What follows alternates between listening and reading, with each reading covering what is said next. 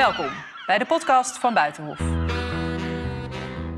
Wonen dat een beleggingsdingetje is geworden in plaats van een grondrecht wat het uh, ooit was. Maar dat heeft dus heel veel gevolgen gehad voor de mensen die niet mee kunnen in die kenniseconomie, die niet mee in die economische opwaardering kunnen. Die worden verdrongen en verdreven. En de pijn van die mensen voor wie dit geldt is te groot om te negeren. Vandaag is in Rotterdam opnieuw een protest tegen de woningmarkt. En net als vorige maand gaan naar verwachting duizenden mensen de straat op. Uit onvrede met het gebrek aan woonruimte, torenhoge prijzen, maar ook de sloop van armere buurten. De extreem op de woningmarkt zet hele gemeenschappen onder druk. Dat blijkt uit het nieuwe boek van sociaal geograaf Floor Milikowski. Wij zijn de stad. Floor, welkom. Uh, we tutoyeren elkaar. Uh, ja, vandaag is het tweede woonprotest in korte tijd in Rotterdam. Vorige maand was het in Amsterdam. Een nieuw protest is al aangekondigd in, uh, in Utrecht. Verbaast jou dat? Nee, het verbaast me eerder dat het zo lang geduurd heeft. Ja? Ja, als je kijkt hoe lang we het al hebben op die problemen op de woningmarkt, hoe lang ik er zelf ook uh, al over schrijf, al een jaar of tien. Um, en hoe lang al duidelijk is dat het uh, met het huidige beleid niet veel beter gaat worden. Hmm. Uh, dan denk ik, ik heb me al jaren afgevraagd waarom gaan mensen de straat niet op. En ik heb ook wel heel sterk het gevoel dat, zag je bij Black Lives Matter ook vorig jaar het corona. De tijd die mensen hebben, het feit dat ze weer thuis zitten, dat dat helpt met protesteren. Als je kijkt de jaren 60, de protestgeneratie, iedereen kon eindeloos studeren. De krakers, kraakbeweging, krakers protest was in een tijd enorme werkloosheid. Mm. Dus mensen hadden tijd. En nu is er ook weer tijd om te protesteren. En ja. dat helpt. Ja, je schrijft in je boek dat overal ter wereld gemeenschappen in opstand komen. Uh, waar nog meer dan? Nou, een heel mooi voorbeeld was natuurlijk Berlijn, hè, kort geleden... waar een referendum, mensen bij een referendum uh, hebben gestemd voor onteigening van beleggers. Ja. Uh, hoe dat in praktijk gaat uitpakken, weet ik nog niet. Dat moet natuurlijk erg blijken. Maar het feit dat, dat zo'n radicale maatregel in, het, in een referendum haalt... dat zegt wel wat.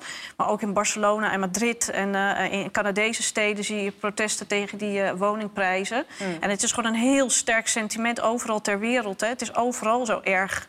Um, en het is een gewoon heel grote internationale ontwikkeling, trend van uh, wonen dat een beleggingsdingetje is geworden in plaats van een grondrecht, wat dat uh, ooit was. Ja. ja, en dat er steeds meer groepen hebben daar last van. Ja. In de Rotterdamse Tweebosbuurt wordt heel veel gesloopt. En er is ook langer al protest tegen het woonbeleid. laten we heel even kijken naar een fragment. Ik moet dadelijk gewoon naar de voedselbank als het zo doorgaat. Want dan worden de mensen worden alleen maar armer en niet rijker. Er wordt weer een stukje uit mijn hart gesneden door de burgemeester en door de wethouder. Want die hebben overal scheid aan. Want de VN die zegt, joh, stoppen met alles. Maar wat doet de gemeente? Je ziet het. Ze gaan gewoon verder, want ze willen ons hier weg hebben. Want er wordt gezegd, er moeten rijkere mensen hierheen komen. Arme mensen moeten oprotten. Ja, die meneer zegt de rijken moeten erin, de armen moeten eruit. Heeft hij gelijk? Is dat ja, hoe het gaat? En, en het is, weet je, deze meneer, mensen voelen vaak niet de oprechte pijn die bij zo iemand zit. Hè. Deze meneer woont hier misschien al zijn hele leven. Die heeft daar zijn thuis, die heeft daar zijn veilige omgeving, die kent zijn buren. Uh, die, die, wordt gewaardeerd, die wordt herkend, gekend. Um, en dan komt er ineens inderdaad iemand, een, een, een, brief van de woningcorporatie op de mat... die zegt, we gaan uw huis slopen. En dat doet zo ontzettend veel pijn. En we zijn het zo gaan zien als een soort van zakelijk proces... van ja, er moeten hogere inkomens in, want de stad heeft hogere inkomens nodig... en de economie moet draaien en daar hebben we kenniswerkers voor nodig. En ja, als we hogere inkomens in zo'n buurt uh, laten wonen... dan uh, profiteren de lagere inkomens daar ook van. Dat is inmiddels weten we gewoon dat dat niet zo is. Ja, ik wil zeggen, klopt dat dan niet? Ik bedoel, het is nee, ook een goed idee misschien? Ja, en dat is ook, weet je, steden als Amsterdam, Rotterdam, Londen, Parijs... New York, allemaal vergelijkbaar. In de jaren 60, 70, 80 hele moeilijke tijd gehad. Mm. Arbeidersperiode gehad waarin, uh, uh, zeker na het verval van de industriële economie in het Westen, heel veel werkloosheid is ontstaan. Heel veel verpaupering, verloedering in die steden. Um, en toen kwam er ineens een kenniseconomie op. En die steden richtten zich daar helemaal op en wilden de internationale kenniswerkers en de landelijke kenniswerkers aantrekken om die kenniseconomie op te tuigen. Toen kwam het idee op gang van oké, dan moeten we inderdaad uh, zorgen dat er koopwoningen, betere vrije sector huurwoningen komen, zodat er rijkere mensen die steden inkomen. En daar viel toen ook echt wel wat voor te zeggen. Ik bedoel, ja. uh, gentrification is in de tijd dat ik studeerde, eind jaren Want dit proces heet gentrificatie dat, ja, in goed precies. Nederland. En, dat betekent de gentry, dus de goede burgerij, uh, verdringt eigenlijk de arbeiderspopulatie. En dan de jaren 60 was... Dat is wat we net zagen. Dat is wat we net zagen. En dan de jaren 60 was de Britse Ruth Glass, schreef er al over, over dat proces. Dus we kennen het al heel erg lang. Ja. Um, en in de jaren 90 nog, en begin 2000, werd het echt gezien als een soort van wondermiddel voor de steden. Die verpauperde, verloederde, armoedige steden um, met weinig perspectief. Er kwam ineens hele nieuwe dynamiek. Kwamen inderdaad waar mensen met geld. Uh, er kwam kapitaal die steden in. Nou ja, wat we hier nu in Amsterdam, uh, als we kijken naar de overkant van deze eioevers of hier omheen. Dit was allemaal vervallen gebied en dat is nu bruisend, glimmend, uh, stralend. Maar dat heeft dus heel veel gevolgen gehad voor de mensen die niet mee kunnen in die kenniseconomie, die niet mee in die economische opwaardering kunnen. Die worden verdrongen en verdreven. En dat hebben we heel lang geaccepteerd als een soort van, nou ja, het hoort erbij en het is goed voor het collectief. Ook burgemeester Ahmed Abu Talib die laatst nog zei van, nou ja, later zullen de mensen heus wel ingezien dat het voor het algemeen belang het beste was. Hmm. Maar dat kan je gewoon niet meer zeggen. Die tijd is echt voorbij. Er zijn te veel mensen die aan de, aan, buiten, buiten de boot vallen.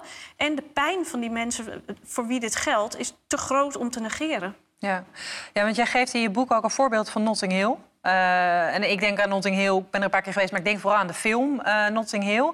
Uh, en het huis van de boekhandelaar, best wel een klein huis volgens mij, dat is verkocht onlangs. Weet je uit je hoofd voor hoeveel? Ja, voor 16 miljoen. En het, het, was juist, het, het, mooie was juist, het was een groot pand. Het was een grote uh, mansion, de townhouse, zoals ze dat daar noemen. En uh, het was ook al toen hoor. In die tijd was het al geloof ik voor een paar miljoen dat het in werkelijkheid verkocht werd. Maar dat pand stond symbool voor een wijk, een voormalig arbeidersbuurt die heel erg in opmars was. En inderdaad mm. cultureel divers. En zo'n boekhandelaar met een lullig tweedehands boekwinkeltje, super gezellig. En zijn huisgenoot, die überhaupt alleen maar op de dag met de hele dag met zijn snorkel op zijn gezicht, volgens mij, uh, ja. op tv te kijken. Ja. Die konden dat dus dus betalen. Zo'n ja. supermooi pand.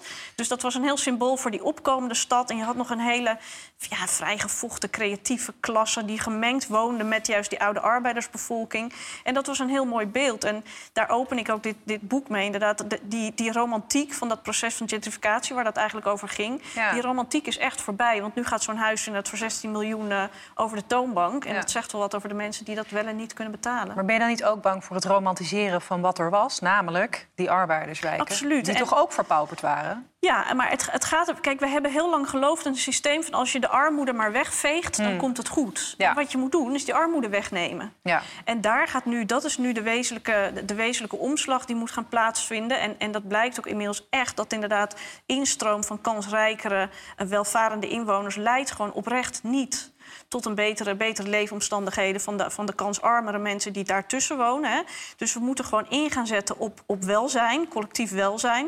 We moeten niet gaan kijken naar economische ontwikkelingsmodellen, alleen maar dus grondwaardes die stijgen, uh, de duurdere voorzieningen, uh, meer het aantrekken van nog meer hoofdkantoren. Maar we moeten heel erg gaan kijken van oké, welke mensen wonen er nou in die steden? Uh, wat zijn de problemen in die buurten, in die gemeenschappen, op die hele specifieke plekken? Wat hebben de mensen nodig die hmm. daar wonen, die buiten de boot vallen? En daar moet je naar gaan kijken. En als dan op sommige specifieke plekken geldt van... oké, okay, eh, sloop en nieuwbouw is hier het beste... Hmm. ook voor de mensen die er wonen, want die zullen daar ook van profiteren... dan moet je dat doen. Maar op heel veel plekken wordt er gewoon helemaal niet gekeken meer naar... inderdaad, wat voor specifieke gemeenschappen... Want je, er zijn buurthuizen weggehaald, er zijn uh, bibliotheken weggehaald... het hele maatschappelijk werk is minder geworden. De, de, toegang tot voorzieningen is minder geworden. De armoede is erger geworden. Dat ga je natuurlijk echt niet oplossen door daar inderdaad armere of uh, goedkopere woningen te slopen en, en duurder neer te zetten. Dus we moeten veel meer gewoon structureel gaan kijken. Wat is er mis inderdaad in die steden, in de samenleving als geheel hoor. We hebben het hier ook al uh, nu, nu de hele uitzending over een falende overheid die zo min mogelijk eigenlijk doet voor de mensen tegen wie, uh, voor wie het wel een plicht heeft om, om, om meer te doen. Um, dus dat hele idee van oké, okay, waartoe zijn we hier op aard en op wat voor manier ontwikkelen we een stad met welke ambities in ons hoofd, hmm. daar moeten we gewoon een omslag in maken. Maar toch zijn dit ook uh, fenomenen, je zegt net zelf al, hè, die internationaal zijn. Het geld wat in de huizen gaat zitten beperkt zich niet alleen tot een wijk in Rotterdam. Um, kan een lokale overheid zich überhaupt wel weren tegen dit soort tendensen waar ze eigenlijk helemaal geen grip op hebben? Nee, ja, ik, ik, ben altijd, ik heb altijd een hekel aan het idee, we kunnen niet meer. Want het begint bij de ambitie om meer te willen doen. En dat komt net al, of het nou met de tolken is of met de rechtsstaat. Als je meer wil doen voor de mensen, dan is er echt wel een manier te vinden om meer te doen voor de mensen. En natuurlijk zijn er allerlei internationale ontwikkelingen en trends en krachtenvelden waar je deel van uitmaakt. Hè. Maar als je um, we hebben zelf ervoor gekozen om die markt zoveel vrij spel te geven. We hebben zelf ervoor gekozen om volkshuisvesting te veranderen in woningmarkten. We hebben zelf ervoor gekozen om corporatiewoningen heel erg te verkopen. Ook nog aan buitenlandse beleggers. Om helemaal in te zetten op koop en vrije sector. En weet je, Stef Blok vijf jaar geleden, de laatste minister van Wonen... die nog heel trots zei, we hebben geen minister van Wonen meer nodig. Want de markt lost het nu wel op. Hè? We hebben geen minister van Wonen. Dat is onze eigen keuze geweest om het zo aan te pakken. Dus als we het anders willen aanpakken... begin alsjeblieft weer met de minister die woont wonen als prioriteiten. Of het nou minister van Wonen of Dan minister begint van het dus wel degelijk bij de wethouders en de raadsleden en de... Ja, en de, de Haagse de gemeenschappen. politiek- Ja, en de, en de Haagse politiek. En die moet inderdaad weer gaan kijken. Niet alleen naar inderdaad, dat economische verhaal achter zo'n zo'n ontwikkeling van, van de samenleving van, van een stad. Maar die moet gewoon inderdaad gewoon. eh, Ja, kijken wat hebben wij nodig om, om, om de woningsschaarste tegen te gaan, om die woningprijzen weer Hmm. eh, eh, in het gareel te krijgen, om te zorgen dat wonen weer een voorziening wordt in plaats van een beleggingsobject. Hè? Ja. En als die wil er is, eh, ja, als we een actrice naar het ISS kunnen krijgen met z'n allen om daar een film op te nemen, dan kunnen we toch ook het woonprobleem echt wel oplossen. Ja. Maar het begint met de wil om dat Met te de doen. wil. Ja, je schreef nu dus weer opnieuw een boek over de stad. Maar je schreef ook over de keerzijde van het succes van de stad. eh, leegloop van de regio. En jij legt ook deze week eh, in een stuk een direct verband met de opkomst van de PVV in Oost-Groningen.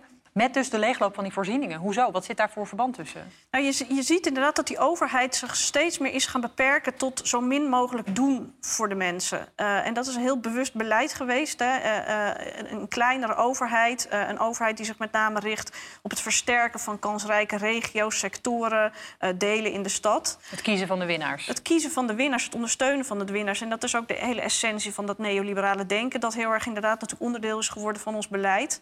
Ehm, Wat voor politieke gevolgen heeft dat dan? ja, dat, en, je merkt dus inderdaad, in, of het nou in de buitenwijken in, in Amsterdam is... of inderdaad in Noordoost-Groningen. En ik heb een klein stukje geschreven over een veel groter stuk... eh, dat mijn collega Koen van de Ven voor de, voor de Groenen daarover schreef. Je ziet gewoon erg dat op het moment, en dat is een heel mooi citaat... dat, dat, dat de overheid verdwijnt uit een plek. Dus inderdaad zich terugtrekt uit een plek. Dat het gezag ook verdwijnt. Dus mensen ervaren heel weinig relatie nog tussen hun eigen leven en de overheid. Die ervaren niet dat de overheid er elke dag is om hun te helpen op de plekken waar dat nodig is. En dat leidt tot heel veel boosheid, onvrede, eh, woede. En, en in Noordoost-Groningen was een mooi voor- voorbeeld van een eh, lokale PVV-afdeling... die helemaal nul contact had bijna met de landelijke PVV-afdeling. Ook gewoon nul bezig was met migratie, maar bezig was met leefbaarheid... met betaalbaar wonen, met betaalbare eh, voorzieningen. Ehm, en, en dat zie je, die protestpartijen, die winnen natuurlijk heel erg op plekken... waar mensen zich diep in steek laten voelen door het establishment... en door de landelijke politiek. En Ja. dat is heel begrijpelijk.